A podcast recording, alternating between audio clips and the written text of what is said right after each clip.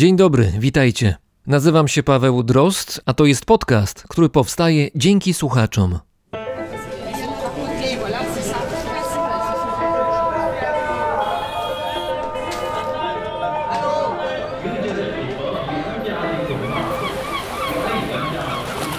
Brzmienie świata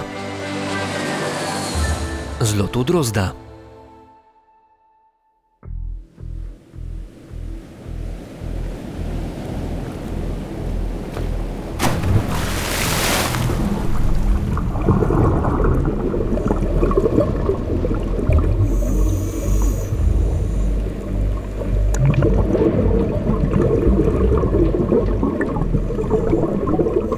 Pianka o grubości 5 mm szybko nasiąkła wodą. Za kilka chwil ciało ogrzeje ją, tworząc warstwę izolacyjną. Trzech płetwonurków schodziło coraz głębiej. Kolorowe ryby z pewną nerwowością odpływały na bok, ustępując przybyszom. Widoczność była znakomita i w oddali dał się zauważyć granik wielki, Ponad dwumetrowa ryba unosiła się w toni. Na tej głębokości było to rzadkie zjawisko, ale nie zwrócili na nie uwagi. Ich spojrzenia skoncentrowane były na dnie, do którego właśnie się zbliżali. Był marzec 2013 roku. Gdy dotarli na miejsce, zaczęli krążyć po okolicy, wykonując niespieszne ruchy płetwami. To musiało być gdzieś tutaj, jednak po 40 minutach poszukiwań, jeden z płetwonurków gestem wskazał na zegarek i kilka razy uniósł kciuk do góry. Zrozumieli. Czas na wynurzenie, a cel znowu nie został osiągnięty. Na łodzi, która czekała na kotwicy, zrzucili z siebie sprzęt. Chcieli odpocząć godzinę, wymienić butle ze sprężonym powietrzem i znowu wejść pod wodę. Nie zdążyli. Na falach, od strony widocznych w oddali budynków Aleksandrii, mknęła w ich kierunku łódź egipskiej Straży Granicznej. Zostali namierzeni. Ucieczka była niemożliwa.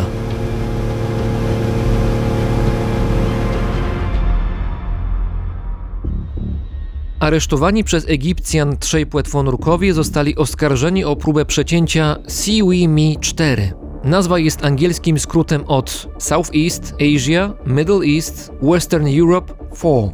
Jest to kabel telekomunikacyjny o długości 22 tysięcy km.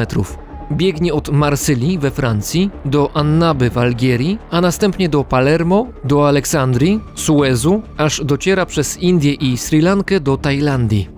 Siwi Mi 4 umożliwia połączenia internetowe między kilkunastu krajami. Na dnie Morza Śródziemnego leży dziewięć podobnych kabli telekomunikacyjnych, które łączą Europę i Egipt, a często również Azję. Awaria tych połączeń może wpłynąć na życie milionów ludzi, ale celowe ataki na instalacje tego typu to rzadkość. Pierwszy podwodny kabel komunikacyjny, który połączył dwa kontynenty, został położony w 1866 roku. Był to kabel telegraficzny, umożliwił kontakt między Europą a Ameryką Północną. Wcześniej wymiana informacji odbywała się poprzez statki, które potrzebowały na dotarcie do celu nawet kilkunastu dni. Kable na dnie oceanu doprowadziły do rewolucji. Dzięki nim wiadomości telegraficzne były przesyłane niemal natychmiast, co miało duży wpływ na rozwój międzynarodowego handlu. Podwodne kable narażone były jednak na uszkodzenia, dlatego w kluczowych portach cumowały specjalne statki, które przeznaczone były do przeprowadzania stosownych napraw. Mimo upływu lat awarie zdarzają się do dzisiaj, przy czym obecnie w grę wchodzą kable światłowodowe, zapewniające nam nie tylko łączność telefoniczną, ale co najważniejsze, internetową. Zgodnie z badaniami brytyjskiego think tanku Policy Exchange, ponad połowa problemów z podwodnymi kablami spowodowana jest przez statki rybackie oraz przypadkowe uszkodzenia za sprawą kotwiczących jednostek. W 1959 roku głośny był przypadek radzieckiego trawlera, który na północnym Atlantyku uszkodził, najpewniej przypadkiem, aż pięć tamtejszych podwodnych kabli. Awarie tych instalacji rzadko mają naturalne przyczyny, jednak zdarzają się i nie mogą być ignorowane, co udowodniły wydarzenia roku 2006 w Azji. W wyniku silnego trzęsienia ziemi o magnitudzie 6,7 w skali Richtera w rejonie cieśniny Luzon między Tajwanem a Filipinami Uszkodzonych zostało 6 z 7 tam istniejących kabli telekomunikacyjnych. Kontakt między Tajwanem, Chinami, Hongkongiem, Japonią, Południową Koreą i Singapurem został niemal zerwany. Poważne zakłócenia komunikacyjne były też w połączeniach z Ameryką Północną oraz Europą. Komunikację udało się częściowo przywrócić poprzez użycie satelitów, ale te nie mają tak dużej wydajności jak kable. Po awarii z 2006 roku państwa regionu zdecydowały się na rozbudowę istniejącej siatki podwodnych połączeń. Warto przy tym wiedzieć, że jeszcze do końca lat 90. Azja Wschodnia miała kontakt z Ameryką Północną jedynie przez kable, które wychodziły na Pacyfik z Japonii. Było ich jedynie pięć. Ryzyko poważnych i masowych awarii telekomunikacyjnych istnieje także w innych częściach świata. Obecnie wykorzystywanych jest około pół tysiąca podwodnych kabli światłowodowych, które łączą nas ze sobą. Umożliwiają też funkcjonowanie globalnej gospodarki. To delikatny system, podatny na zakłócenia, które teoretycznie mogą być wywołane celowo. Od 2015 roku rządy najważniejszych krajów Europy oraz USA zauważyły wzmożoną aktywność rosyjskich statków oraz okrętów podwodnych w rejonach, przez które przebiegają kable telekomunikacyjne. Istnieje obawa, że kable mogą być celowo przecięte w celu wywołania chaosu, np. na światowych rynkach finansowych. Od trzech lat szczególnym zainteresowaniem cieszy się rosyjski statek badawczy Jantar. Określany jest mianem statku szpiegowskiego, który może być bazą dla niedużego okrętu podwodnego oraz dwóch sterowanych zdalnie podwodnych dronów. Są one w stanie osiągnąć bardzo duże głębokości i dotrzeć tam, gdzie leżą kable telekomunikacyjne. Obecnie Jantar po długim rejsie i przepłynięciu kanału La Manche płynie przez Bałtyk w kierunku Kaliningradu.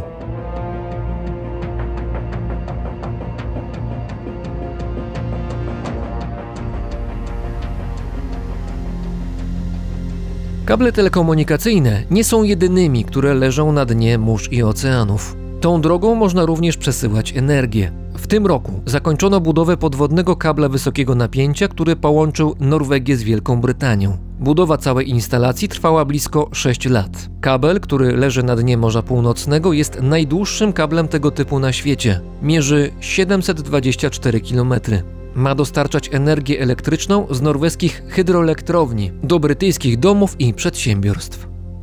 Norwegowie dzięki swoim górskim rzekom są w stanie produkować bardzo dużo energii elektrycznej. To jeden z ich największych towarów eksportowych, oczywiście oprócz ropy naftowej. Dzięki temu Norwegia jest jednym z najbogatszych krajów na świecie i przyciąga do siebie ludzi marzących o lepszym i dostatniejszym życiu. Ten odcinek opowiada historię jednego z nich.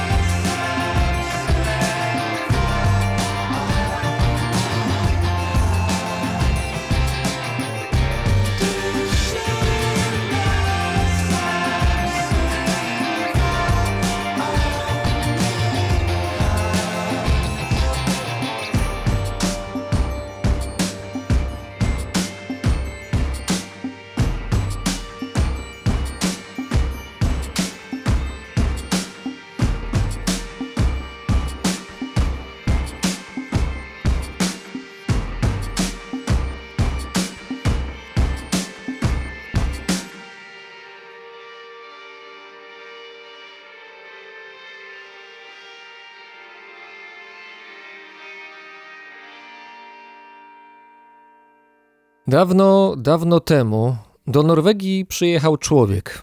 Pomieszkał, swoje przeżył, a potem wyjechał. Kilka lat później na kanwie swoich doświadczeń napisał książkę, która ukazała się właśnie nakładem wydawnictwa Otwarte. Tym człowiekiem jest przebywający obecnie na Islandii w Keplawiku Piotr Mikołajczak. Dzień dobry, witaj. Cześć, witaj Pawle. Specjalnie odłożyliśmy o parę minut naszą rozmowę, żebyś mógł skończyć gotowanie obiadu. Powiedz, co będzie na stole. Na stole będą oczywiście ziemniaczki gotowane na parze, bo jestem z Poznania, więc zawsze ziemniaki muszą być. A przy okazji Beyond Burger, czyli bezmięsne burgery, no i ogórek kiszony oraz ogórek konserwowy. Ja jestem akurat z tych osób, które preferują kiszone, Berenika uwielbia konserwowe rzeczy. To jest jedyna rzecz, która dzisiaj będzie. A przy okazji jeszcze, przepraszam, zupa szparagowa z wczoraj jeszcze na pewno zagości na stole. A powiedz, kiszonki to w Islandii są łatwo dostępne? dostępne? W polskim sklepie oczywiście, a polski A, sklep no. mamy, tak się okazuje, od, pod domem praktycznie. No to już wiemy, że obiad nie będzie tylko dla ciebie. Tutaj wymieniłeś Berenikę. Myślę, że wielu z naszych słuchaczy pamięta, że właśnie razem z Bereniką Lenart tworzysz duet I Story. Jesteście małżeństwem i współautorami książki napisanej kilka lat temu, która poświęcona była zachodniej Islandii. To przede wszystkim. Tym razem na nowej książce, twojej książce, widnieje wyłącznie twoje nazwisko. No inaczej być nie mogło, ponieważ to jest opowieść bardzo osobista, bardzo twoja i nieprzypadkowo zatytułowana Norway Półdzienniki z emigracji. To jest historia Twojego trzyletniego pobytu, życia, pracy w Norwegii. Historia trzech trudnych lat. Mhm. Zastanawiam się, jak ci się pisało tę książkę z perspektywy czasu, który no, minął od tamtych wydarzeń. Czy wróciły cienie przeszłości, czy wręcz przeciwnie, jesteś teraz jakoś uzbrojony w doświadczenie, jesteś teraz w innej chwili życiowej, patrzysz na to, co było, jak na zamknięty rozdział. Właściwie, kiedy wyjeżdżałem do Norwegii, jedyną rzeczą, jaką wiedziałem o tym kraju, to to, że jest to miejsce, w którym zarabia się bardzo dużo, więc mam szansę na to, żeby dług, który stworzył się w Polsce, oczywiście nie sam, ale z pomocą wielu ludzi, uda się spłacić tam chyba najszybciej. To była jedyna rzecz o Norwegii, jaką wiedziałem. Jeżeli chodzi o samą emigrację, no to miałem doświadczenia wcześniej, chyba sześciotygodniowe z Belgii. Pracowałem przez chwilkę przy produkcji warzyw i to zabawne, bo to było warzywo, które nazywało się skorzenera, ale w Polsce również nazwa tego warzywa to wężymort. I musiałem je czyścić, musiałem gdzieś tam pakować, no ale to się szybko bardzo skończyło. A co się z tym warzywem robi, kiedy już jest jakoś oprawione i gotowe do spożycia? No właśnie, gotowe do spożycia. Dzisiaj już się go nie spożywa, chociaż w Polsce bardzo często można było jeszcze spotkać w kuchni staropolskiej przepisy ze skorzenery, ale w tym momencie w Belgii używa się go do produkcji kosmetyków, więc to warzywo było tylko i wyłącznie do jakichś przetwórni, do fabryk transportowane. No a ja byłem tym, który przygotowywał to wszystko, ale nie specjalnie mi się ta praca podobała, dlatego wróciłem do Polski. No dobrze, ale nie odpowiedziałeś jeszcze na moje pytanie, to znaczy trochę już lat minęło od tego wyjazdu, który opisujesz w książce. Czy to było trudne jakoś doświadczenie, pisanie tego i wracanie do tego, co było? Tak naprawdę pisanie tej książki to był w pewnym sensie element autoterapii, ale też przede wszystkim zrzucenia pewnego rodzaju balastu. I to nie, nie dlatego, że nie mogłem nieść go już dalej.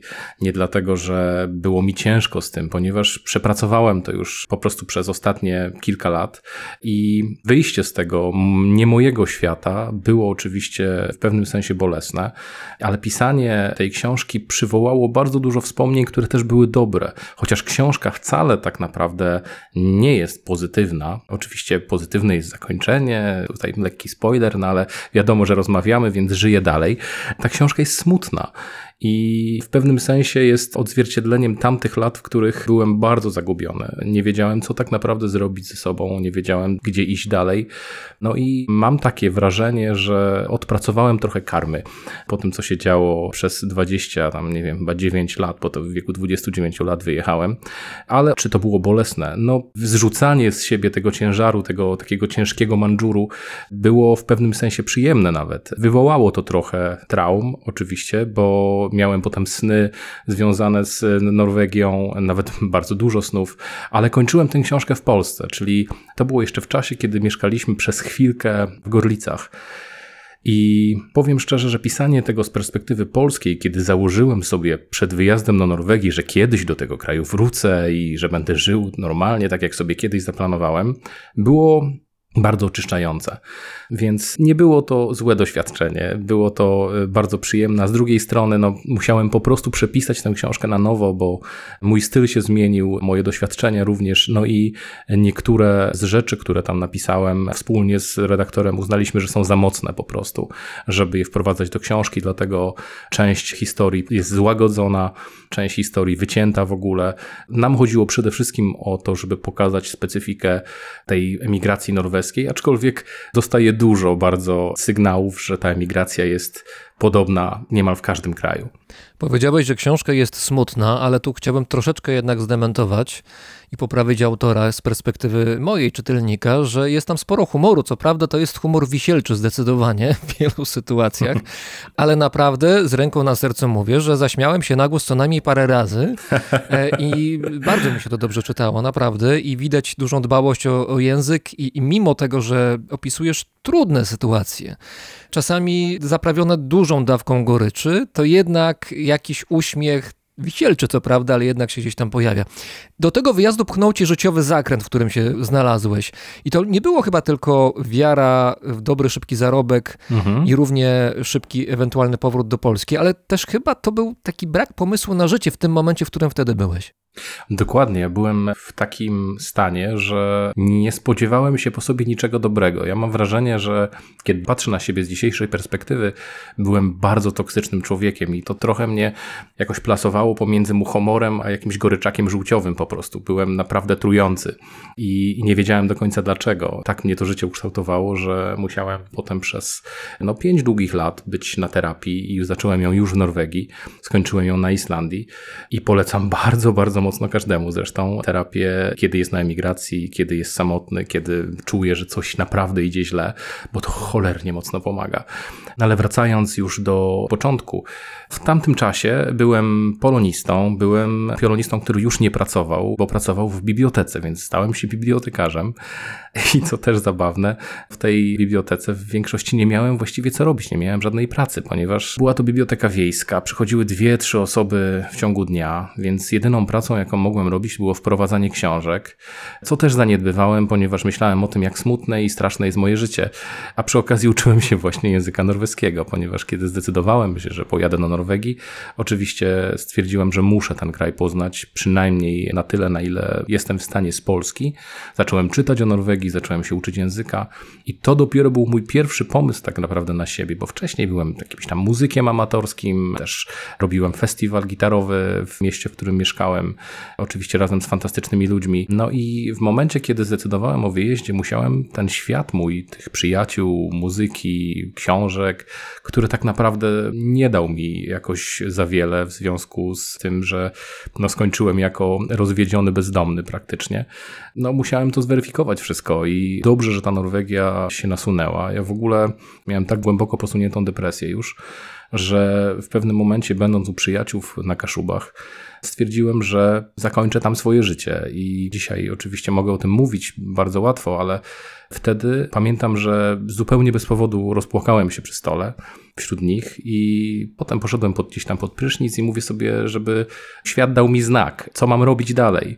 I w radio poleciała piosenka Norway zespołu Beach House, zresztą otwierająca playlistę do książki. I uznałem, że to chyba jest to. Ja wiem, że to są takie dziwne znaki, ale człowiek w depresji chwyta się wszystkiego. Chwyta się nawet tego, że ptaszek gdzieś tam ćwierka po prostu i to jest znak od natury. A dla mnie tym znakiem było właśnie to, że usłyszałem po prostu w radio piosenkę Norway. I zdecydowałem się wyjechać tam. Jutro jest dokładnie która rocznica? Hmm, dziewiąta rocznica wyjazdu. I ten twój przyjazd do kraju, do Norwegii, właściwie zaczyna się od problemu i to poważnego pytania, co dalej? Bo przyjechałeś z bardzo mglistym planem, raczej to było założenie, że jakoś to będzie, ale jakoś to nie było. Zaczęło się od pytania, w jakim kierunku dalej masz się poruszać, żeby ta ziemia obiecana stała się prawdziwą ziemią obiecaną. No właśnie, wydaje mi się, że kiedy jechałem do Norwegii, miałem to założenie, że znajdę cokolwiek. I okazało się, że ten plan właściwie wypalił, tylko że znajdywanie czegokolwiek w Norwegii bez znajomości rynku pracy, bez znajomości języka norweskiego, mając podstawowe angielskie, oczywiście ten angielski się szybko bardzo przypomniał, to szczerze mówiąc było bolesne. Po prostu było bolesnym doświadczeniem, bo ja byłem na emigracji z przymusu. Nigdy nie spodziewałem się, że wyjadę. Nigdy nie chciałem skończyć jak wiele, wiele tysięcy, jeśli nie milionów Polaków, którzy musieli opuścić swój cudowny kraj. Właściwie ten początek, gdyby nie mój przyjaciel, który był ze mną, no powiem szczerze, że byłoby bardzo kiepsko. Jego motywacja była zupełnie inna. Jego motywacją było przede wszystkim to, że on chciał przeżyć przygodę a ja musiałem spłacić prawie 300 tysięcy złotych długu, który jeszcze się mnożył, kiedy ja tam byłem, że uznawałem to wtedy za misję niewykonalną w ogóle. Dla mnie to było coś w rodzaju czarnej rozpaczy. Ja widziałem naprawdę każdego dnia widziałem czarne słońce, metaforycznie mówiąc, rzecz jasna. No, początek jest zawsze zły, jeśli się nie wie po co się jedzie i nie miałem żadnej nagranej pracy. Wtedy też w 2012 roku mój telefon przypominał zabawkę i właściwie kontakt z kimkolwiek w Polsce był bardzo ograniczony. Nie wyobrażam sobie, co musieli czuć ludzie, którzy byli 30 lat temu na emigracji, czy więcej. Oni dopiero mieli hardcore. Oczywiście, jeśli byli w podobnej sytuacji, bo jeżeli mieli nagraną pracę, czy naprawdę wiedzieli, po co tam jadą, to wszystko ok. Ja właściwie miałem 3 miesiące na decyzję i na przygotowania. Cały czas zegar tykał. To nie jest tak, że człowiek przyjeżdża i ma spokojnie czas, żeby się rozejrzeć, przejść się po Oslo, popodziwiać troszkę panoramę miasta, a potem po kilku dniach ewentualnie zacząć się rozglądać za pracą. To jest zupełnie inna perspektywa, kiedy przyjeżdżamy jednak do pracy. Człowiek ma presję ewidentnie, czuje oddech przyszłości na swoim karku i robi wszystko, żeby tę sytuację jakoś zmienić, żeby ją poprawić. To nie jest wcale takie proste. Dokładnie tak. Ja miałem problem na samym początku, żeby wyważyć ten czas, który jest na rozpoznanie terenu i na to, żeby czegokolwiek szukać. My naprawdę nie mieliśmy pojęcia z Adamem, ponieważ nie należy zapominać, że właśnie Adam był ze mną, Adam Gust, fotograf, którego e, fotografie są w książce. My nie wiedzieliśmy od czego zacząć tak naprawdę. Chodziliśmy wszędzie, gdzie tylko się dało, roznosiliśmy cefałki. Naprawdę nie mieliśmy pojęcia, jak, jak zrobić cokolwiek, żeby ktoś nas najął, nie wiem, nawet do ścierania gum do rzucia z chodników. No i coraz częściej zauważyliśmy, że jak ludzie zobaczyli, jakie mamy wykształcenie, co umiemy, gdzie pracowaliśmy wcześniej, no to nikt nie chciał nas zatrudniać i tak naprawdę zaczęliśmy obcinać te cefałki coraz bardziej. Po miesiącu właściwie, gdzie ja już byłem prawie załamany, że nikt nas nigdzie nie chce, żadnego telefonu znikąd, Dostaliśmy, e, właściwie ja dostałem chyba telefon. Adam już od tygodnia chyba miał pracę przy sprzątaniu, tak mi się wydaje, to się nazywało flittevask, czyli takie sprzątania wyprowadzkowe, sprzątania wprowadzkowe. Jest taki przepis w Norwegii, że jak się ktoś wyprowadza z domu, musi wynająć firmę, żeby posprzątała po prostu po poprzednim właścicielu. No i jemu się udało załatwić tę pracę. Obiecał, że oczywiście, jeżeli się da, no to gdzieś mnie tam wkręci, co oczywiście zrobił po jakimś czasie. No a ja przez ten tydzień czy półtora siedziałem w domu po prostu i tylko pielęgnowałem tego mojego doła. Nie miałem siły naprawdę wstać z łóżka. Po prostu często leżałem do 12 i o, o godzinie 14, kiedy wziąłem prysznic, zjadłem coś, nie byłem w stanie wyjść z domu. A poza tym stwierdziłem, a już za późno, to jutro, jutro zacznę tak samo, tylko że od rana. No i wpadałem w pułapkę niestety, która zaczęła mutować w takie rzeczy typu rozmowy na Skype'ie, no i mnóstwo e-maili, jakieś wiadomości, co tam u mnie. Po prostu zajmowałem się czymś, co nie było mi kompletnie wtedy potrzebne, a być może było. Mówisz, że byłeś w domu, ale to trzeba powiedzieć, że to nie jest dom przez duże D. Oczywiście. Tylko jednak duży stopień tymczasowości tam był nad tym słowem dom. Tak, słowo tymczasowość w ogóle to jest bardzo ważne słowo w tej książce. No i ten dom, w którym byliśmy, to było mieszkanie w dzielnicy Gryneloka. Bardzo fajnej dzielnicy, zresztą artystycznej, pachnącej trawą i snusem. Bo cały czas mówimy o Oslo. Tak, cały czas mówimy o Oslo, oczywiście. No i mieszkaliśmy z panią, która się nazywała Amabile. Bardzo pogodna kobieta, naprawdę nies, niezwykła, jeżeli chodzi o, o jakieś takie poczucie obciachu, którego w ogóle nie miała. Często właśnie o trzeciej w nocy wstawała i gotowała baraninę, śpiewała przy tym włoskie piosenki, a sama była z Somalii. Jej ojciec chyba stamtąd ją wywiózł, kiedy miała lat 9 czy 7, już nie pamiętam dokładnie, no ale podał zły wiek chyba i, i zamiast 45 ona ma 42 czy 40, już teraz nie pamiętam też. No ale ona nam urozmaicała to życie. Ja też przez nią trochę miałem dużo śmiechu, dużo takich sytuacji niespodziewanych. Stworzyła trochę ten dom, który nie był domem, no ale potem już zaczęło być coraz gorzej. Ona też miała swoje humory, przyprowadzała mnóstwo facetów, którzy mieli na imię na przykład Rambo albo Prince. Mówię poważnie. Ale czy imiona były adekwatne do postury owych panów? No właśnie nie do końca, chociaż Prince w sumie miał bardzo ładną twarz, ale był taki, taki niziutki, malutki. e, No ale ten princ muzyczny zdaje się też nie był szczególnie wysokim facetem. Też był chyba niski, no właśnie, ale nie był kompletnie podobny do Prince'a. A Rambo? Rambo był wielki, czarnoskóry i, i po prostu takie wielkie bary. I on chyba sobie wziął naprawdę swoje imię do serca. Tacy ludzie nas odwiedzali. E, No, odwiedzały nas koleżanki, oczywiście również Amabile, e, w większości z jakiejś Arabii Saudyjskiej, z właśnie z Somalii. Ten dom żył. Był takim miejscem spotkań troszeczkę, ponieważ Amabile miała dużą nadwagę i po prostu ona z tego domu nie wychodziła i zazwyczaj to do niej przychodzili ludzie. No ale kiedy, nie wiem, my gotowaliśmy coś w kuchni, tylko słyszeliśmy, jak ona się śmieje z pokoju oglądając włoskie anime. A, a czym ona w ogóle się zajmowała, poza tym, że spotykała się z, z Rambo i z Prince'em? Ciągnęła socjal. to była jedyna rzecz, którą się zajmowała w tamtym czasie. Czyli korzystała z państwa opiekuńczego w postaci Norwegii. Dokładnie tak. A nam e, wynajmowała mieszkanie oczywiście za dodatkową gotówkę, więc też nielegalnie. Coś, o czym się dowiedzieliśmy później. E, Nawet nie wiedzieliśmy o tym, że to jest nielegalne. Był to dom i nie był to dom. Staraliśmy się, żeby pachniało tam domem, żeby to wszystko było jak najbardziej zbliżone do tego, co opuściliśmy. No i wydaje mi się, że przez to, że zabraliśmy ze sobą bardzo dużo jedzenia z Polski, które utrzymywało nas przez trzy miesiące przy życiu, trochę, trochę było tam Polski jednak i takiego poczucia, że jednak jesteśmy trochę u siebie. Od tego czasu z Amabilem mam jakiś kontakt, rzadki bardzo, ale kiedy jestem w Norwegii, to czasami ją odwiedzam. Jeżeli chodzi o kwestie formalne, to trzeba powiedzieć, że jeżeli człowiek chce pracować w Norwegii, to musi załatwić sobie różne pozwolenia, trzeba się zarejestrować, jakieś numery identyfikacyjne trzeba, zdaje się, też mieć przypisane, żeby bodaj powyżej trzech miesięcy w Norwegii móc przebywać i tam pracować. I jeżeli chodzi właśnie o pracę, no to też poruszałeś się wielokrotnie, podobnie jak pewnie wielu innych emigrantów, którzy przyjeżdżali do Norwegii w poszukiwaniu pracy, poruszałeś się często na granicy albo nawet poza granicą tego, co legalne. Było wiele sytuacji takich, kiedy no, pewne rzeczy się nie powinny formalnie odbyć, ale jednak się odbyły.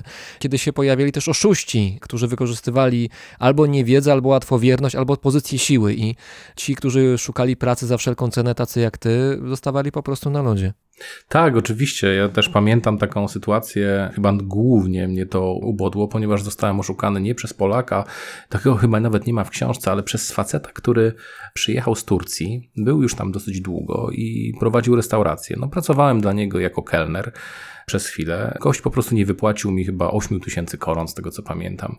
Jak, jak mnie to bolało, pierwszy raz ktoś mnie wtedy oszukał, aczkolwiek wcześniej też były takie sytuacje i później takich ludzi, którzy chcą oszukać na emigracji kogoś jest bardzo, bardzo dużo. Tutaj na Islandii zresztą też, tutaj kiedy ktoś szuka mieszkania, to się ogłasza oczywiście jakiś facet w internecie, mówi, że mam mieszkanie, proszę mi wpłacić depozyt.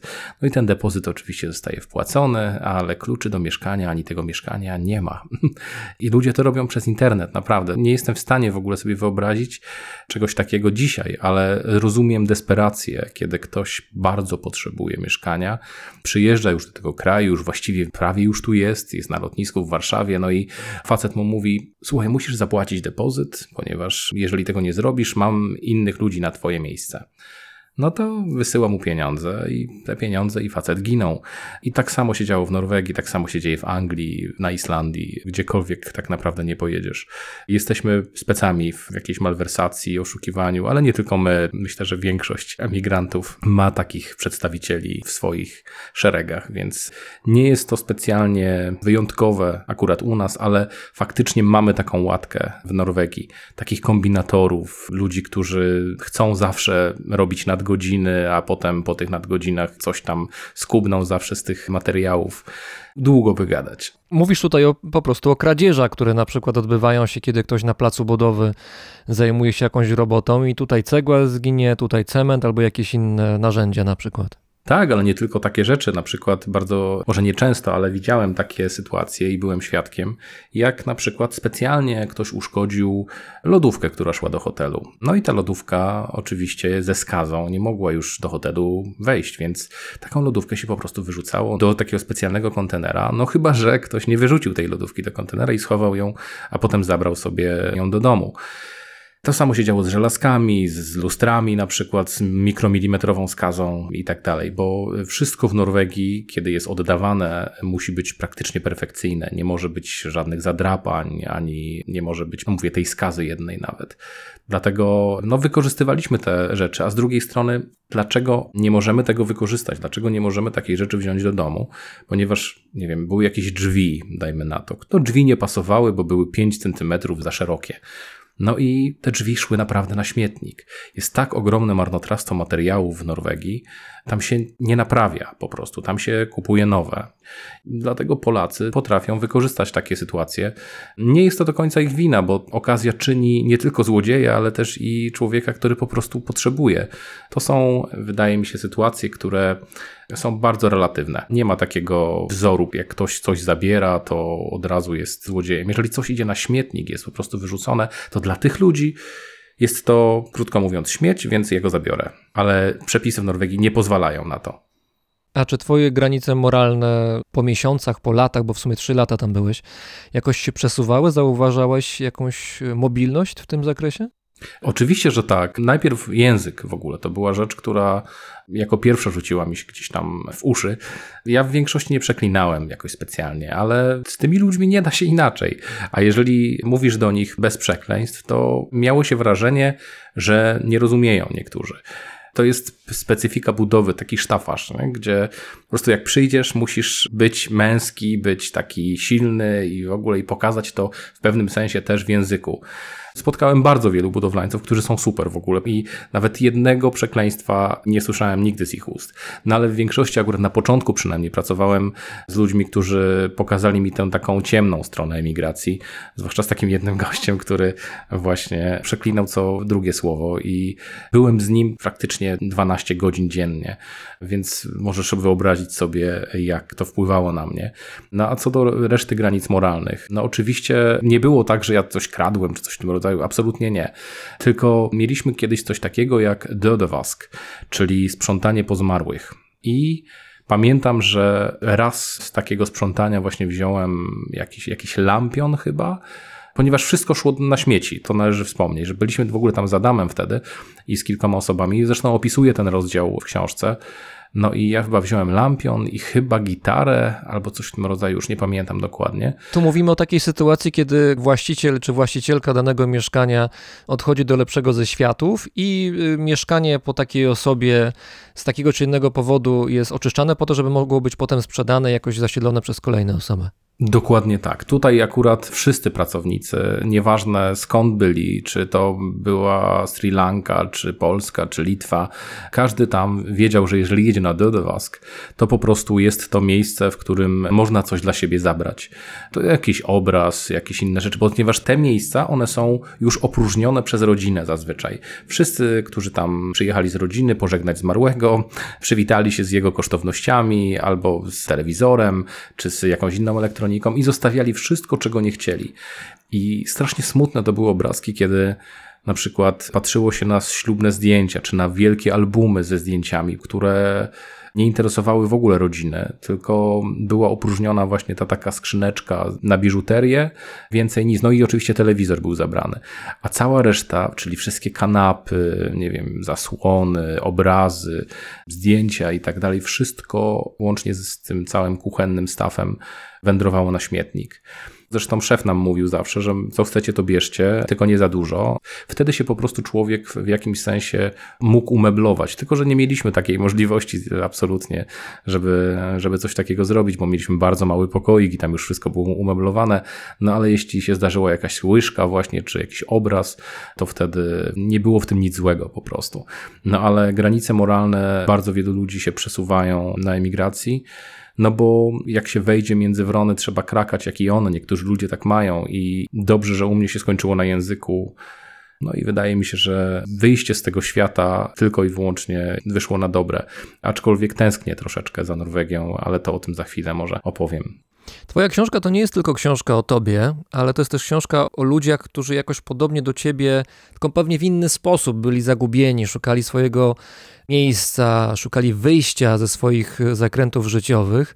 I wychodzi z tej książki, że to nie jest sytuacja jakoś nietypowa. Mnóstwo takich ludzi jest, którzy szukają odpowiedzi na pytania, trudne pytania, które były w Polsce, przyjeżdżają do Norwegii albo do jakiegokolwiek innego kraju pewnie. Szukają tych odpowiedzi, ale ich nie znajdują, a mimo tego trwają tam i szukają ciągle. To jest taka sytuacja trochę beznadziejna. Tak, o tym zwłaszcza mówi jeden z ostatnich rozdziałów książki. Książka jest o moim wewnętrznym świecie, który znalazł się w Norwegii.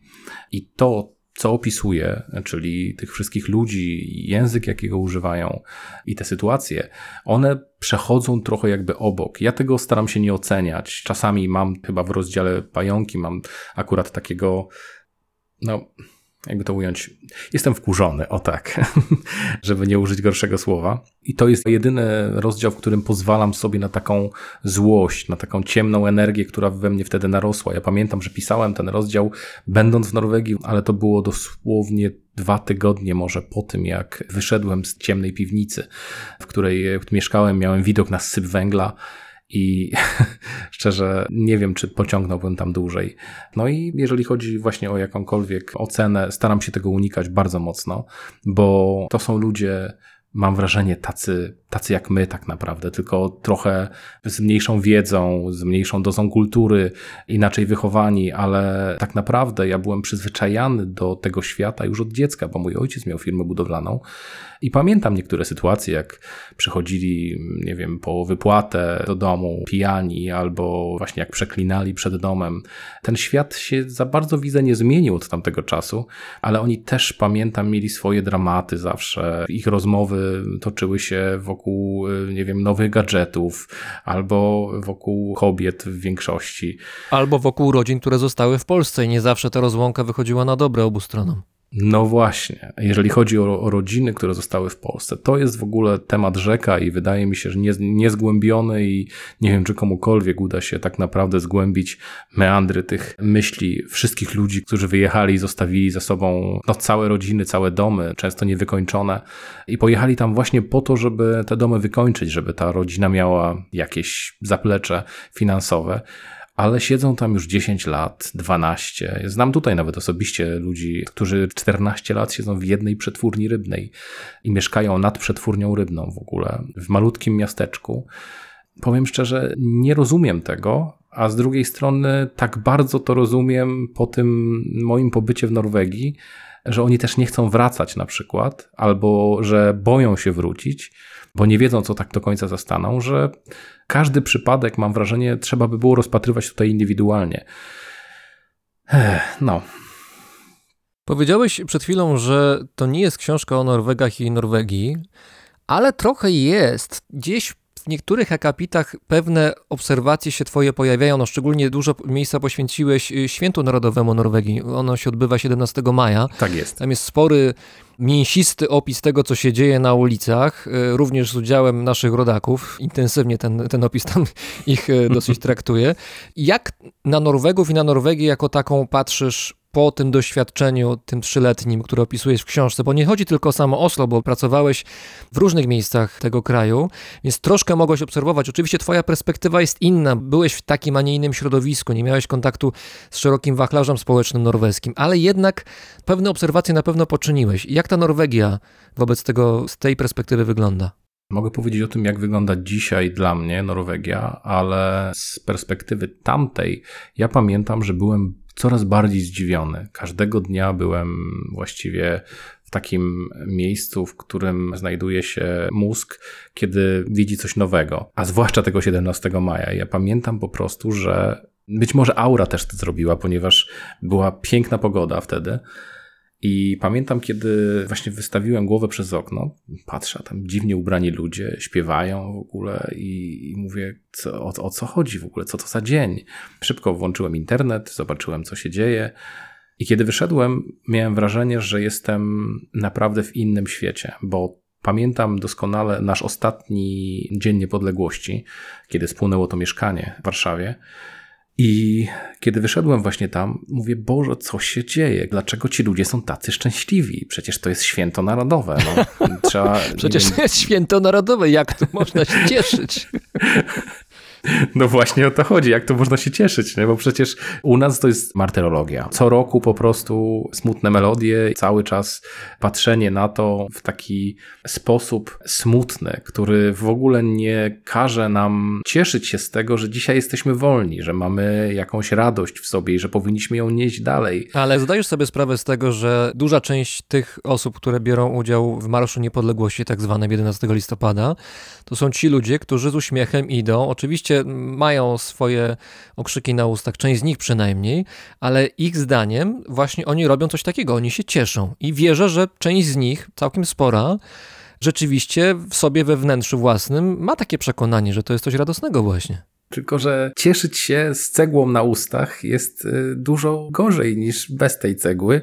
I powiem szczerze, że to, co zobaczyłem w Norwegii, było dla mnie tak radosne i tak orzeźwiające, tak inne, że zmieniłem wtedy trochę patrzenie na Norwegów, ponieważ ja nauczyłem się na polskich budowach, że tak naprawdę Norwegowie to nie Norwegowie, tylko to są Norki, że oni chcą nas wykorzystać i że zawsze źle, zawsze niedobrze. Ale potem, kiedy zacząłem poznawać tych Norwegów, kiedy zacząłem z nimi rozmawiać, nie wiem, w jakichś biurach, kiedy coś sprzątałem, oni też byli ciekawi właściwie, kim ja jestem albo co, co tu robię. I kiedy zacząłem z nimi rozmawiać, oni się odczarowali po prostu. To są naprawdę dosyć sztywni ludzie, nie ma co ukrywać, ale mają w pewnym sensie zdrowe podejście do bardzo wielu rzeczy. Są zdystansowani, są tacy nie chwalący się specjalnie tym, co mają. Oczywiście nie wszyscy. Norwegowie są tak samo zróżnicowani jak Polacy. Oczywiście, to, to nie, nie, ma jednej definicji. Masa, dokładnie. Nie ma definicji, a w ogóle też bardzo często, kiedy ludzie pytają nas o to, jacy są Islandczycy, no kurczę, nie ma innego pytania, które chyba bardziej mnie wkurza. Dlatego ja cię zapytałem o twoją perspektywę patrzenia na Norwegów, nie zapytałem, jacy są Norwegowie. Dokładnie, oczywiście. Ale nie, powiem tak, ja bardzo lubię Norwegów, ponieważ ja też mam tak jak chyba w ogóle Skandynawowie. Wolę dwa metry od człowieka po prostu. Kiedyś właśnie widziałem taki film, to się nazywał Until the Light Take Us, czyli dopóki światło nas nie weźmie, wzięte z płyty zespołu Burzum black metalowego czyli Kwislisetar Os. I ten film opowiadał między innymi historię muzyka Gilwe, który mówi jaka jest różnica między Norwegami a innymi ludźmi? Jest taka, że kiedy stoimy w kolejce, to stoimy dwa metry od siebie. To idealne na pandemię. No, no to idealne na pandemię. No, zresztą był taki mem chyba, jak to Norwegowie są szczęśliwi, bo ta granica dwóch metrów wreszcie jest, czy tam jednego metra jest, jest wreszcie, nie, nie, nie, że ona jest wreszcie zniesiona, ponieważ mogą wrócić do swojego starego dystansu, czyli pięciu metrów. Aha. No. I, I, ja też tak wolę, wiesz, chyba. Ja po prostu mam w sobie dużo takiego z jednej strony introwertyzmu, a z drugiej chciałem kiedyś bardzo mocno chciałem pokazać to, co umiem, to, co lubię, to, co robię, ale powiem ci szczerze, że odkryłem, że wolę coś robić, niż potem to prezentować na przykład.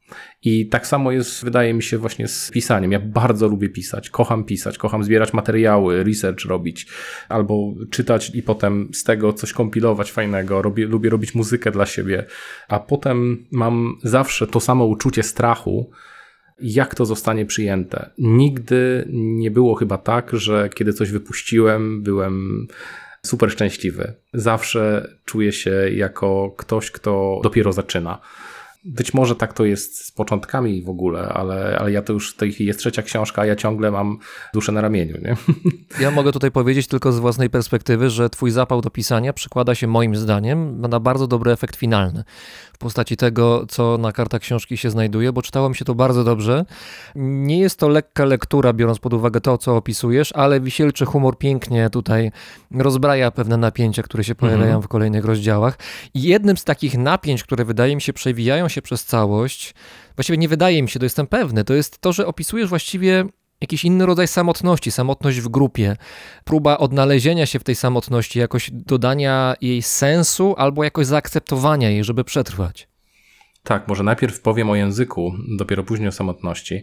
Wiesz to starałem się, żeby ta książka była inna niż Szepty Kamieni i inna niż Zostanie tylko wiatr, ponieważ tam dużo jest poezji, dużo jest opisów tego języka takiego bardzo ładnego, który oczywiście tutaj w Norway musiał się zniwelować do potoczystości. Chciałem, żeby to się po prostu dobrze czytało, ponieważ chciałem to opowiedzieć tak jak chciałbym to przeczytać. Tak jakby trochę siedział z kumplem i, i opowiadał mu historię jakąś z, właśnie z budowy. I y, mam wrażenie, że w niektórych fragmentach faktycznie mi się to udało, w innych może trochę mniej, ale wracając do tematu samotności. Tak, samotność w grupie, zwłaszcza na budowie, kiedy na początku przynajmniej jesteś zupełnie innym człowiekiem, kiedy oni nie rozumieją kompletnie, jakiej tej muzyki słuchasz. Przecież tam większość ludzi, przynajmniej na tej pierwszej budowie, na której pracowałem, no to oczywiście disco polo, jakiś hip-hop, też nie stronie od hip-hopu oczywiście, ale ja tam wtedy byłem strasznym metalem, czy tam nawet słuchałem muzyki klasycznej, a kiedy puszczałem im to, co mam na słuchawkach, akurat leciał Chopin, no to mówili, Boże, co ty człowieku odpierdzielasz tutaj, nie? Jak ty możesz pracować w tym głównie? I Wtedy no, ja się oczywiście zamykałem, ponieważ ja brałem bardzo dużo rzeczy do siebie wtedy. Dzisiaj to bym się pośmiał z tego, ale kiedyś każda rzecz, która była negatywna w moim kierunku wystosowana, no to było jak cios po prostu. Wcale ci się nie dziwię, dlatego że każda osoba w takiej sytuacji, oderwana jakoś od korzeni, które gdzieś są w domu, w dalekim kraju za, za wielką wodą, za Bałtykiem, każdy w takiej sytuacji by szukał jakiejś akceptacji, nawet jeżeli to jest taka grupa, która jest niekompatybilna z tobą. No, no budowlańcy, którzy mają specyfikę taką, jaką mają, no chciałbyś, żeby oni cię zaakceptowali, żeby był to jakiś erzac właśnie wspólnotowości, a tutaj to nie było takie proste. Nie było proste, ale powiem szczerze, że mi się udało w niektórych y, kwestiach. Ja po prostu musiałem wejść na ten tryb kameleona, który jest mocno związany z, wydaje mi się, z aktorstwem. Kiedyś bardzo chciałem być aktorem, więc tutaj miałem pole do popisu niezłe. I nie to, że grałem kogoś innego, tylko po prostu w pewnym sensie odtwarzałem siebie, ale jako osoba, która na przykład właśnie inaczej się wyraża, która mówi sprośnie dowcipy, albo która się śmieje z tych dowcipów, która nie musi pokazywać, jaka jest naprawdę. Bo kiedy pokazywałem, jaki jestem naprawdę, to mówili o mnie, że jestem pedał, że jestem, e, nie wiem, e, na przykład delikatny, albo jakieś takie inne rzeczy. Bo nie wiem, bo czytam książki, albo bo mam czysto w pokoju. I naprawdę mój pokój został określony jako pedalski, bo był czysty. No. I, jak żyć w takim świecie? nie? Ale z drugiej strony ci ludzie też byli niekiedy tak zabawni tak, kurczę, tak ludzcy w tym, tak prości w tym myśleniu, że trudno było nie odmówić im niekiedy racji, kiedy opowiadali o jakichś sytuacjach. No ale koniec końców stwierdziłem, że nie jest to jednak mój świat. Chciałbym znaleźć coś zupełnie innego i strasznie się cieszę, że miałem okazję na sam koniec już tej emigracji norweskiej popracować samemu w kinie po prostu. I to była taka rzecz, która mm, wydaje mi się bardzo mnie uspokoiła przed wylotem na Islandię. Kiedy pracowałem sam, kiedy miałem swój wózeczek, który ciągnąłem przez całe kino, sprzątałem popcorn, wyrzucałem puszki, no i jeździłem potem gdzieś tam na jakąś plażę czyścić chyba toalety. Wtedy uświadamiasz sobie, że do końca nie to, co robisz, ale to, co w sobie nosisz, jest najważniejsze. I gdyby nie audiobooki, które pochłaniałem regularnie każdego dnia i to naprawdę w ilościach hurtowych, no to nie miałbym w ogóle łącznika z tym moim starym światem. Aczkolwiek muzyka też oczywiście była, była pięknym łącznikiem, ale przede wszystkim właśnie książki. I ja cały czas słuchałem historii różnych, które ratowały mi dzień. A kiedy zacząłem pracować sam, no to zacząłem zauważać, że bycie z samym sobą jest w tym momencie dla mnie dużo lepsze niż bycie z innymi ludźmi. I, i to mi też na pewno bardzo dużo dało. Zresztą już byłem w tamtym czasie, chyba po dwóch latach terapii, czy po półtora roku terapii. Więc chyba się nauczyłem już być sam ze sobą wtedy. Wiele z książce dialogów, przytaczasz zasłyszane rozmowy, czasami byłeś częścią tych rozmów oczywiście i widać tutaj naprawdę dużą wrażliwość na słowo i też widać dobrą pamięć, bo wiele z tych rozmów zostało tak przywołanych, że ja mam takie wrażenie, jakbyś nawet nagrywał je na dyktafonie i spisywał słowo w słowo. Aż tak dokładne one są, widać specyfikę mówienia, charakter rozmówcy, te dowcipy, powiedzmy slang budowlańczy, że tak no. powiem. Nasłuchałeś się. Nie wiem, czy każdego dnia, kiedy przychodziłeś do domu, czy do tego miejsca, które dom w danym momencie grało, czy od razu spisywałeś to, czy to jakoś przywoływałeś z pamięci później? No właśnie, dosyć zabawne. No, na przykład taki tekst typu rosół jest dobry, jak jest łyżka sztywna. E, to, to przecież no, kto, kto by to wymyślił, nie? Tak na serio. Właśnie dlatego o to pytam, bo pewne rzeczy oczywiście można wymyślić, można troszkę oddać specyfikę danego języka poprzez imitację, ale tam jest tego tak wiele, że jestem przekonany, że to są oryginalne, autentyczne dialogi, które gdzieś padły i one są bardzo dokładnie przez ciebie przywołane. No, ja przede wszystkim mam bardzo dobry słuch językowy i potrafię naprawdę powtarzać jak papuga. Tak jak ktoś mi coś powie po norwesku czy po islandzku, to ja po prostu jestem w stanie powtórzyć bez najmniejszego problemu z akcentem, z, z oddechem i tak dalej. Wszystko jestem w stanie powtórzyć. I tak samo, jeżeli chodzi o te teksty moich współbiesiadników, na przykład właśnie przy słynnej e, rozmowie w baraku o golące i w ogóle o jedzeniu, to ja zapisywałem od razu te rzeczy na telefonie w notatniku. Ja się śmiałem i zapisywałem po prostu. Też dla mnie to było zabawne wtedy, bo ja znajdowałem w tym pewnego rodzaju humor, który chciałem bardzo mocno zachować w pamięci. Miałem też w ogóle notes ze sobą, nawet kiedy widziałem coś, co mnie zachwyciło na przykład, to od razu brałem, brałem notesik z plecaka i zapisywałem, że chmury barwiły niebo limonkową żółcią. Nie? I gdyby nie to, prawdopodobnie też nie napisałbym połowy opisów w tej książce, ponieważ ja mam dobrą pamięć, wiadomo, ale krótką, y, stary dowcip, ale jednak aktualny u mnie i ja muszę sobie zapisywać niektóre rzeczy. Niekiedy było tak, że wychodziłem z tego baraku po prostu i zapisywałem no, normalnie na dyktafon, wychodziłem i się śmiałem i, i mówiłem tekst, który ktoś tam powiedział. Te wszystkie teksty niestety, a było ich dużo, dużo więcej, zostały w 2018 roku skradzione, kiedy mieszkaliśmy w Reykjaviku i ktoś mi ukradł komputer no i większość z tego niestety przepadła. No ale jest e, na przykład tekst, którego nie, nie został chyba użyty w książce, ale który jest na tyle e, niewulgarny, że mogę go powiedzieć, a, który, a który pamiętam, że w gaciach są trzy strony, prawa, lewa i ta, i ta czystsza.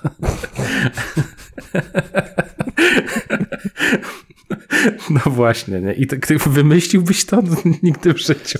Nie, ja, ja naprawdę jestem przekonany, że to są rzeczy, które naprawdę gdzieś tam w barakach, różnych miejscach, gdzie prace fizyczne się odbywają, gdzie budowlańcy pracują, to naprawdę musiało gdzieś paść. Jestem przekonany, tak. absolutnie od razu mnie to uderzyło w oczy i po mózgu mnie to uderzyło, bo czasami rzeczywiście śmiałem się na głos, mimo oczywistej wulgarności tych dialogów, która normalnie by mnie odrzuciła, ale jednak jest w tym jakiś taki rodzaj przedziwnego humoru, który rzeczywiście potrafi bawić i jakoś mile też y, urozmaicić całą książkę, bo tych dialogów naprawdę jest sporo.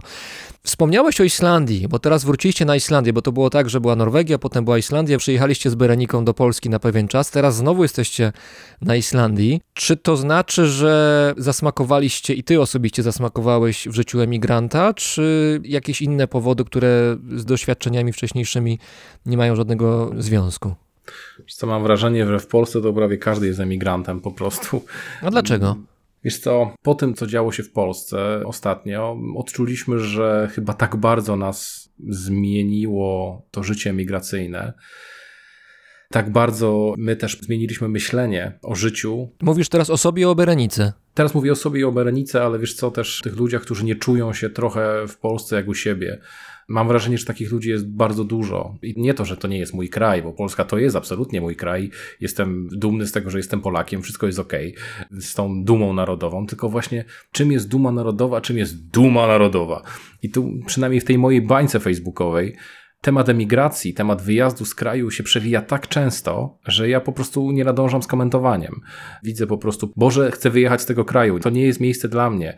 I, i też mam wrażenie właśnie, że kiedy my byliśmy z Bereniką w Polsce, mieliśmy takie wrażenie, że ten kraj jest coraz bardziej podzielony. Wszyscy chyba odnosili wtedy takie wrażenie wokół nas.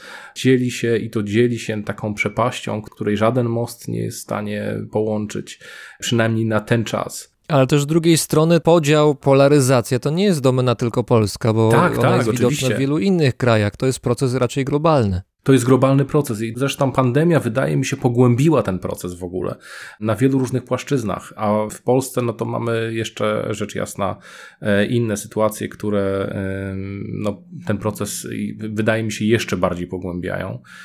Nie chcę mówić głośno o tych rzeczach teraz, bo to nie jest rozmowa o tym tak naprawdę, nie jest rozmowa o Polsce, ale emigracja spodobała się po prostu nam o wiele bardziej niż to, co zastaliśmy w kraju.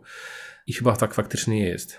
Ale jednocześnie wróciliście do kraju, w którym y, największą grupą emigrantów są właśnie Polacy. Islandia taka właśnie jest już od kilku lat. No, zgadzamy się w 100%. Mm, Wiesz co, wróciliśmy tutaj ze względu na to, że nie czujemy tutaj żadnej presji. Weronika pracuje w tej chwili dla firmy technologiczno-informatycznej. Ja mam swoje wycieczki, swoje pisanie, swoje nagrywanie. W Polsce niby też mogliśmy to robić. Tylko kiedy staraliśmy się coś zrobić w Polsce, pojawiały się kłody zupełnie inne niż kłody, które są rzucane tutaj. One, one są wszędzie w ogóle. Nie ma kraju, który jest nieproblemowy. No właśnie, może to jest tak, że każdy z nas wybiera swój las i ten las mu podrzuca kłody i one są różne, ale zawsze jakieś są, nie ma ideałów. Właściwie nic dodać, nic, nic ująć, bo w Norwegii też były rzeczy, które mi się nie podobały. Tak samo na Islandii są rzeczy, które kompletnie są różne od tych polskich, ale one są bardziej znośne, dla mnie przynajmniej, dla mojego charakteru, dla mojego typu osobowości. Tak samo u Bereniki. Tutaj czujemy się mało oceniani w ogóle, chyba że przez Polonię, ale to też się zmienia bardzo, bo Polacy tutaj będący też się zmieniają. Ci, którzy nie chcą, wiadomo, no to się absolutnie nie zmienią, ale Islandczycy dają fajną lekcję i myślę, że my Islandczykom również dajemy fajną lekcję. Takiej otwartości, ponieważ my naprawdę jesteśmy bardzo podobni, a jednocześnie przyjeżdża tutaj czasami niereprezentatywna grupa Polaków, którzy przyjeżdżają tylko do pracy. My, ja słyszę od któregoś już Islandczyka, dzisiaj też byłem zresztą w jednym miejscu i usłyszałem od jednej kobiety, że nie mówicie w ogóle po islandzku, nie chcecie się uczyć, wszystko robicie w, w małych grupach, to wszystko jest ok, tylko jeżeli chcecie tutaj zostać na stałe, to, to musicie wejść w społeczeństwo, musicie być częścią tego społeczeństwa. A ja jej na to odpowiadam, że słuchaj, a my słyszymy z drugiej strony, że Islandczycy, którzy przeprowadzili się do Flateyri, nie są ciągle z Flateyri, pomimo tego, że są Islandczykami i nie są ciągle akceptowani w mieście na przykład. A Flateyri to jest malutka wioseczka na fiordach zachodnich. To jest po prostu tak, że wydaje mi się, każdy tutaj dba o tę swoją lokalność i chce, żeby wszyscy byli częścią grupy, a kiedy dochodzi co do czego, no to nie wychodzi już to tak dobrze. Ostatnio nie wiem, czy słyszałeś o tym dowcipie, który powiedział jeden z polityków islandzkich dotyczący Polaków. Dowcip o tym, że z wieży Eiffla Francuz wyrzucił krosanty, ponieważ jest ich za dużo, tam Anglik herbaty, już nie pamiętam, a właśnie Islandczyk wyrzucił Polaka, bo jest, bo jest za dużo. no właśnie, ty się śmiejesz, ja się śmieję, nie? ale bardzo dużą część Polonii to ubodło. Ja mam do tego dystans duży i rozumiem takie dowcipy po prostu. Co tu komentować więcej? Ale ciekawe, co powiedziałeś o tym podejściu Islandczyków do pewnej obcości, ale w tym znaczeniu, że to jest takie konserwowanie tutejszości. Jeżeli ja jestem stąd, to ty jesteś stamtąd, tyle już nie jesteś mój. Nawet y, jeżeli jesteś Islandczykiem, nawet ale jeżeli... twoje dzieci mogą być. Aha, czyli to jakoś się zmienia jednak. Jest, jest jakaś droga, jest jakiś sposób wyjścia z tego impasu. Dokładnie, bo wiesz, na emigracji odkryliśmy jedną rzecz, po prostu nigdy nie będziemy stąd. Nie ma co w ogóle ukrywać. Nie urodziliśmy się tutaj. Rozmawiamy z kimkolwiek. Ja się urodziłem w Hafnarfjordur, ja się urodziłem, wiesz, w Grindaviku, a ja się urodziłem w Sieremie. No i właściwie dla nich to jest nazwa nic nie mówiąca, a tutaj, gdybym powiedział, że się urodziłem właśnie, nie wiem, w Reykjaviku w szpitalu albo gdzieś nawet na fiordach zachodnich, no to już jestem stąd, już jestem ich, no ale nie jestem stąd, bo tam ci ludzie też się dosyć różnią, zwłaszcza ludzie z Westmanejar się różnią od tych z lądu. Islandczycy mam wrażenie, że od Polski uczą się pewnego rodzaju akceptacji niektórych zachowań, których oni tutaj może nie mają, nie preferują, ale wielu z nas jest naprawdę świetnymi pracownikami, świetnymi przyjaciółmi, super kolegami dla Islandczyków, którzy robią im wycieczki do Polski. Islandczycy też coraz częściej wyjeżdżają do nas i to nie tylko na zakupy, ale też po to, żeby poznać trochę ten kraj. Właśnie dzisiaj, znowu wracając do rozmowy dzisiaj, pani powiedziała, bo byłam w Zakopane, byłam jeszcze w Krakow, no i zaczęła mi wymieniać miasta po drodze i ona pamiętała te nazwy w ogóle. I mówi Wiel Wieliczka i ona tam była z ile? 10 lat temu w ogóle. Ale z całym szacunkiem Wieliczka chyba jest łatwiejsze do wymówienia niż nazwy wielu wulkanów na Islandii, tak przynajmniej z mojego doświadczenia. Fagradal Świat, tak, dokładnie. No, ja się tleję. Ojej. E, to wszystko jest e, do nauczenia się, tylko no właśnie, Islandczycy mają bardzo dziwny język. Ja tego języka nie lubię, szczerze mówiąc. To nie jest tak, że ja nie chcę nie mówić w ogóle, tylko ja po prostu go nie lubię tak jak norweskiego. Norweski jest śpiewny, norweski jest fajny. Norweski jakoś brzmi po prostu dla mnie i też jest prosty bardzo, bo nie ma co ukrywać, Islandczycy mają ten język bardzo trudny. To jest język, który nie ewoluował od tego czasu, kiedy było zasiedlenie, czyli te ponad tysiąc lat temu, aż tak bardzo jak języki skandynawskie inne. I też pretensje o to, że nie umie się języka, którym posługuje się tak naprawdę 400 tysięcy ludzi, moim zdaniem są trochę na wyrost. Aczkolwiek bardzo to rozumiem i popieram, że powinno się, kiedy się tutaj zdecydowało już mieszkać na stałe, powinno się ten język umieć faktycznie. Mam nadzieję, że kiedyś się go w końcu nauczymy na tyle, żeby, żeby móc swobodnie przeprowadzać wywiady, rozmawiać z ludźmi po prostu e, na głębsze tematy niż co dzisiaj jadłeś i, i tak dalej. Bo to, to naprawdę nie jest łatwy język, a ten norweski to jest w ogóle coś, co wiele osób by się nauczyło go szybciej niż angielskiego. Od razu ci powiem tutaj, że jeżeli chodzi o norweski, to ja byłem swego czasu zachwycony, nadal dużo uroku ma dla mnie ten język, właśnie brzmieniem No, tego, jak norweski brzmi. I jak jeszcze jako student byłem z moim przyjacielem e, na takiej trasie autostopowej przez Szwecję i potem przez Norwegię, przez zachodnie wybrzeże, to wziąłem specjalnie ze sobą dyktafon, jeszcze wtedy kasetowy, to był sprzęt, który kosztował mnie ciężkie pieniądze. I czekałem na odpowiedni moment, na odpowiednich ludzi, którzy akurat będą nas podwozić. I była taka rodzinka właśnie z dwójką dzieci, małżeństwo. I poprosiłem ich, gdzieś w okolicach Bergen to było, żeby coś poopowiadać po norwesku. I, i oni tak pytają, no ale, ale co mamy mówić? A ja mówię, no o Norwegii opowiadajcie.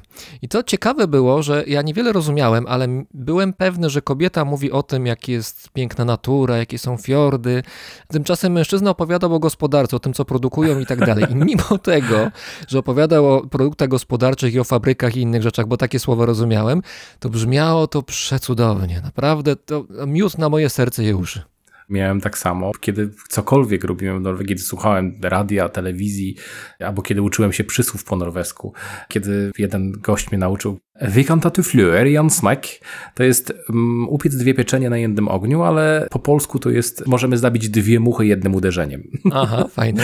na przykład. No, fajne, nie? W ogóle. No, ale są troszeczkę inne niż, niż te polskie. Tak samo norweskie frazeologizmy są inne. Ja już pozapominałem bardzo dużo z tego wszystkiego, bo to było ponad 5 lat temu, to było 6 lat temu tak naprawdę. I dzisiaj nawet, kiedy rozmawiałem z... Znowu nawiązuję do tej rozmowy, którą miałem, to pani się pytała, czy umiesz po norwesku? Mówię, to zaczęliśmy rozmawiać chwilę po norwesku, bo oni akurat chyba mają jakiś eksport swoich towarów do Norwegii. I ona mówi, kurczę, zapomniałem, jak ten język ładnie brzmi. Mm.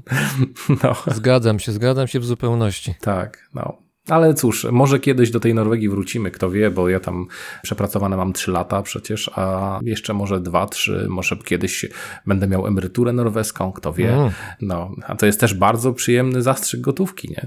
Mimo wszystko. A z drugiej strony tak naprawdę chodzi bardziej o to, że my po prostu z Bereniką, kiedy zaczęliśmy się tak przeprowadzać często, co chwilę tu jeździć, tu, tam, to powiem Ci Pawle, że odkryliśmy, że nie do końca mamy swoje miejsce na ziemi, wiesz? I, I to jest trochę smutne w emigracji, że jeżeli się właśnie tyle razy przeprowadzasz, zwłaszcza kiedy wracasz do miejsca, z którego jesteś, bo Berenika jest przecież z Beskidu Niskiego i ona odkrywa, że to już nie jest jej miejsce, że to... Że przekroczyła pewną granicę niebycia w danym miejscu. Tak. I jest to smutne z jednej strony, tak samo jak zresztą ja wracam do Sieremu, też uważam, że to jest po prostu miejsce i czujesz się najlepiej tam, gdzie czujesz się najlepiej, a my w tej chwili czujemy się najlepiej właśnie tutaj. Kto wie, czy za jakiś czas nie będzie tak, że pojedziemy sobie do jakiegoś właśnie Bergen, Wagen czy Stavanger i się nie zakochamy znowu w czymś, co sprawi, że zmienimy miejsce, zmienimy kraj zamieszkania. Aczkolwiek coraz częściej doceniamy jedną rzecz, że przyjaciół blisko mieć to jest jednak największy skarb i ludzi, którym zależy na tobie, ludzi, którzy chcą, chcą i mogą ci pomóc. No i kolejna sprawa jest taka, że starzejemy się raczej, tak? Nie, nie, nie młodniejemy. Też tak I... słyszałem. No właśnie. No i powiem ci, że podążając za tą prawdą, no to naszym głównym celem w tej chwili, ponieważ mamy wreszcie to mieszkanie upragnione na Islandii. W tej chwili jest domek letniskowy gdzieś nad fiordem albo nad, nad oceanem i myślę, że to jest taka rzecz, która sprawi, że poczujemy się trochę tutaj jednak jeszcze bardziej jak u siebie. Ewentualnie będziemy Robertem Makłowiczem Islandii po prostu i, i się wyprowadzimy w jakieś najcieplejsze rejony, które tutaj są, chociaż takich nie ma, albo po prostu wyjedziemy do Chorwacji, bo tam nam się też bardzo podoba. Ale wiesz co, Robert Makłowicz na Islandii to byłoby to dosyć takie przeżycie, myślę, interesujące, biorąc pod uwagę to, że zdaje się, że pan Makłowicz często ma w swoich programach taki epizod, kiedy na zewnątrz z jakimś stolikiem wystawia garnki i utensylia kuchenne i tam gotuje, a teraz wyobraź sobie pogodę islandzką i w takich warunkach gotować. To ogień trudno będzie zapalić. No on tutaj przecież był, kiedy jeszcze w telewizji występował, to był na Islandii, jest jeden odcinek, nawet chyba jest na YouTubie, z tego co pamiętam, do zobaczenia. To jakieś okienko pogodowe było. No pewnie, ale ja, ja w ogóle ostatnio pisałem zresztą do Roberta Makłowicza z prośbą, czy by nie chciał przyjechać po prostu sobie tutaj pobyć na Islandii trochę. Skoro mamy mieszkanie, to z chęcią wtedy pojedziemy sobie gdzie indziej, a jakby chciał pobyć na Islandii, to nie ma najmniejszego problemu. Akurat z Robertem Makłowiczem jest tak, że go uwielbiamy, kochamy i, i w ogóle jest to gość, którego oglądamy raz w tygodniu przynajmniej na poprawę humoru. No ale z naszymi przyjaciółmi e, mamy tak, że po prostu wymieniamy się trochę mieszkaniami. Na przykład na tydzień chcą przyjechać na Islandię, a my pojedziemy na tydzień na Teneryfę, albo do Norwegii, albo gdziekolwiek, to e, no, jest wtedy taka możliwość. Nie? Chciałbym jeszcze wrócić na moment do książki. Jest taki fragment, który mnie osobiście, prywatnie dosyć, no, zauważyłem go bardzo mocno, zafrapował mnie ten fragment, bo troszeczkę miałem taki drobniutki epizod w życiu. Mam na myśli sytuację, kiedy lata temu, jako nastolatek, taki już mocno wyrośnięty, nie pamiętam dlaczego, ale bodaj byłem we Wrocławiu, przyjechałem tam pociągiem, spędziłem tam chyba dwa czy trzy dni, już nie pamiętam, co tam się działo za bardzo i Chciałem wrócić potem do domu i się okazało, że nie mam w ogóle pieniędzy. Nie pamiętam, czy to było tak, że gdzieś zostawiłem portfel, czy jakiś kieszonkowiec się mną zainteresował, czy po prostu nie panowałem nad pieniędzmi i tak się akurat złożyło, że pustka w portfelu się pojawiła, ale nie miałem pieniędzy na to, żeby kupić coś do jedzenia, do picia, a byłem głodny i byłem spragniony i nie miałem pieniędzy, żeby kupić bilet. I pamiętam to uczucie, które wtedy było. Ja potem sobie oczywiście poradziłem, bo jacyś znajomi, jakaś nawet dalsza rodzina chyba mi pomogła. Już nie pamiętam dokładnie, jak to się skończyło. Dobrze się skończyło. O, może tak. Natomiast w Twojej książce jest fragment, w którym opisujesz doświadczenie bezdomności, kiedy bez pieniędzy między jednym lokum a drugim szukasz miejsca, żeby przetrwać, przeczekać. I to jest mocny opis, bo on wynika z Twojego doświadczenia. Oczywiście było mi wstyd, to po pierwsze, przed samym sobą i przed tymi wszystkimi ludźmi, którzy przechodzili obok, co jest zabawne. Nie? Przecież nikt mnie tam nie znał. Było mi też wstyd prosić kogokolwiek o jakąkolwiek pomoc, bo postanowiłem sobie wtedy, że choćby waliły się góry, to ja nie będę już błagał nikogo o to, żeby mi pomógł. Stwierdziłem, że mogę to przeżyć, mogę bez najmniejszego problemu przespać się gdzieś tam, gdziekolwiek, ale to było tak paskudne i mroczne doświadczenie, że mam wrażenie, że popełniłem błąd wtedy po prostu robiąc to. Z drugiej strony chciałem zobaczyć, wiesz, to, to, jest, to jest zabawne, ale chciałem zobaczyć trochę jak to jest. Adama nie było, ja nie byłem już w stanie, e, nie wiem, iść do Amabile, bo ona już miała jakiś tam swoich lokatorów. Nie miałem żadnych pieniędzy, ani właściwie żadnych możliwości przespania się u znajomych. A ludzi, których poznałem, znałem za mało, żeby, żeby ich też ich o coś prosić. Powiem tylko tyle, że prawdopodobnie jest to najtrudniejsze doświadczenie związane właśnie z tematem nieposiadania pieniędzy, jakie miałem w życiu. I do dzisiaj mam w ogóle tę koszulkę, którą się myłem, a potem którą podłożyłem pod głowę. Koszulkę kata, róże miłości najchętniej przyjmują się na grobach. No i, i to też taka wymowna rzecz. I nawet ostatnio w niej robiłem remont tutaj na Islandii. Przypomniałem sobie, jak to było, ile ta koszulka przeżyła i, jak omal jej moja matka nie spaliła kiedyś. E, no, więc zaczynam się zagłębiać w ogóle w rzeczy, które widzisz są bardzo osobiste, bardzo takie głębokie dla mnie. To wiesz co, momentalnie mnie przenosi w tamto miejsce i, i, w, i w tamte uczucia. A tego bym wolał uniknąć na razie chyba. Doskonale rozumiem, bo nawet to moje drobne doświadczenie, o którym mówiłem przed chwilą, ono dalej we mnie jest. To nie były miłe uczucia, takie poczucie bezsilności, jakiś rodzaj zwierzęcej paniki, która wynika Dokładnie, z tego, tak. że, że nie wiesz, co dalej zrobić, jakiś osaczony jesteś i, i znikąd pomocy. Nagle ci ludzie, którzy chodzą, y, są dla ciebie obcy, jakoś się wydają wrodzy. I Dookoła cały świat na ciebie napiera, a ty nie za bardzo wiesz, jak sobie z tym poradzić. Nieprzyjemne uczucie, to przyznaję. Bardzo mocno takie doświadczenia mówią wtedy o nas i o naszej kondycji psychicznej. Dzisiaj nie miałbym chyba żadnego problemu, powiem ci, żeby gdzieś podejść, zadzwonić, żeby, nie wiem, poprosić kogoś o pomoc, czy iść nawet do Czerwonego Krzyża, gdyby mnie taka sytuacja spotkała oczywiście. Ale no wtedy nie wiedziałem kompletnie co robić, bo właśnie wdarła się panika chyba. To jest to, co mówisz, ta zwierzęca panika, że też wszyscy mnie obserwują. No i to bardzo dużo mówiło o tym, jak duże jest moje poczucie wstydu. Poczucie wstydu, z którym wyjeżdżałem z Polski i potem pielęgnowałem je tylko przez długi czas, e, aż do czasu terapii. Dzisiaj już wiem, że takich rzeczy absolutnie nie należy się wstydzić, nie należy się też e, z nikogo śmiać. Wiesz, jak kiedyś, to też muszę powiedzieć, to jest ważna sprawa chyba, że kiedy przychodzili ci ludzie do mojego domu, do mojego ojca, kiedy miał firmę budowlaną, ja podświadomie ich, zwyczajnie ich nie poważałem, o tak, może krótko mówiąc. Nie miałem o nich dobrego zdania. A potem znalazłem się wśród tych ludzi i to zdanie zmieniłem, bo nie przypuszczałem nigdy, że wiele z tych osób może być tak fajnymi ludźmi i tak dobrymi też, bo, bo nie wszyscy byli tacy, wiesz, źli. Ja tam opisuję takie skrajne przypadki, ale gro z tych moich rozmówców, których nigdy nie zacytowałem i nigdy ich nie pokazałem w książce, to są bardzo fajni, spokojni ludzie, którzy przyjechali naprawdę tylko na, na rok, na dwa, a czasami właśnie na całe życie.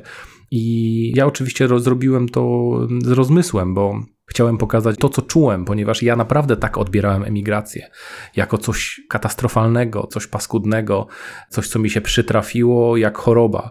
A dzisiaj widzę, że ta emigracja tak naprawdę uratowała mi życie i pomimo tego, że gdzieś tam upadłem bardzo mocno, wiesz, na te najniższe gałęzie tego emigracyjnego drzewa, to jestem, jestem dzisiaj kilka gałęzi pewnie wyżej, ale nie ma żadnego powodu, żeby się jakoś cieszyć z tego czy coś, tylko po prostu to jest naturalna kolej rzeczy. Im dłużej jesteś poza granicami własnego kraju, własnej ojczyzny i jesteś w innej ojczyźnie, tym łatwiej ci zrozumieć rzeczywistość dookoła, tym łatwiej jest ci pokazać siebie z lepszej strony, też popatrzeć w lustrze na siebie zupełnie inaczej, lepiej.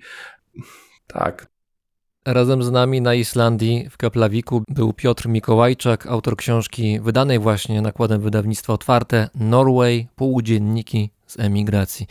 Bardzo Ci dziękuję za tę rozmowę i też pozdrowienia dla Beraniki i smacznego, bo obiad lada moment. Bardzo dziękuję i pozdrawiam też wszystkich oczywiście słuchaczy podcastu. Dzięki że, w ogóle, że mnie zaprosiłeś, dzięki, że pogadaliśmy na ten temat. To jest dla mnie naprawdę bardzo ważne, bo to najbardziej osobista rzecz, jaką udało mi się do tej pory napisać. Pozdrawiam bardzo serdecznie, dzięki wielkie za rozmowę i do usłyszenia.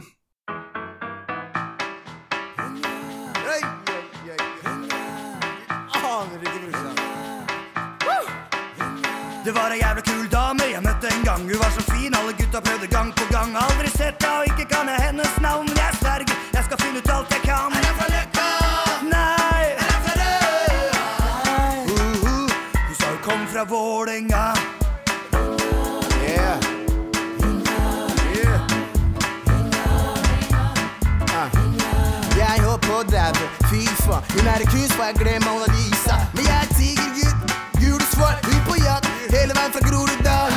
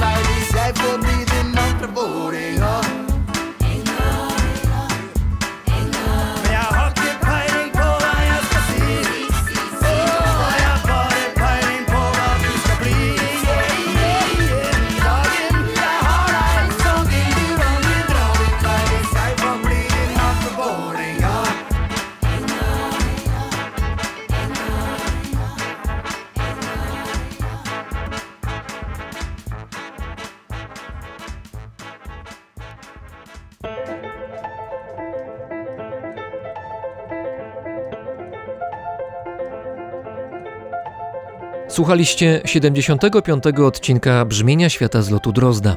To audycja, która istnieje dzięki słuchaczom. Jeśli uważasz, że moja praca warta jest wsparcia, rozważ proszę odwiedzenie strony patronite.pl, gdzie pod hasłem Brzmienie Świata znajdziesz zbiórkę na rzecz mojego podcastu. Obecnym, jak i przyszłym patronom Brzmienia Świata dziękuję za każdą wpłatę. Paweł Drozd, czyli ja, mówi Wam Dobrego dnia!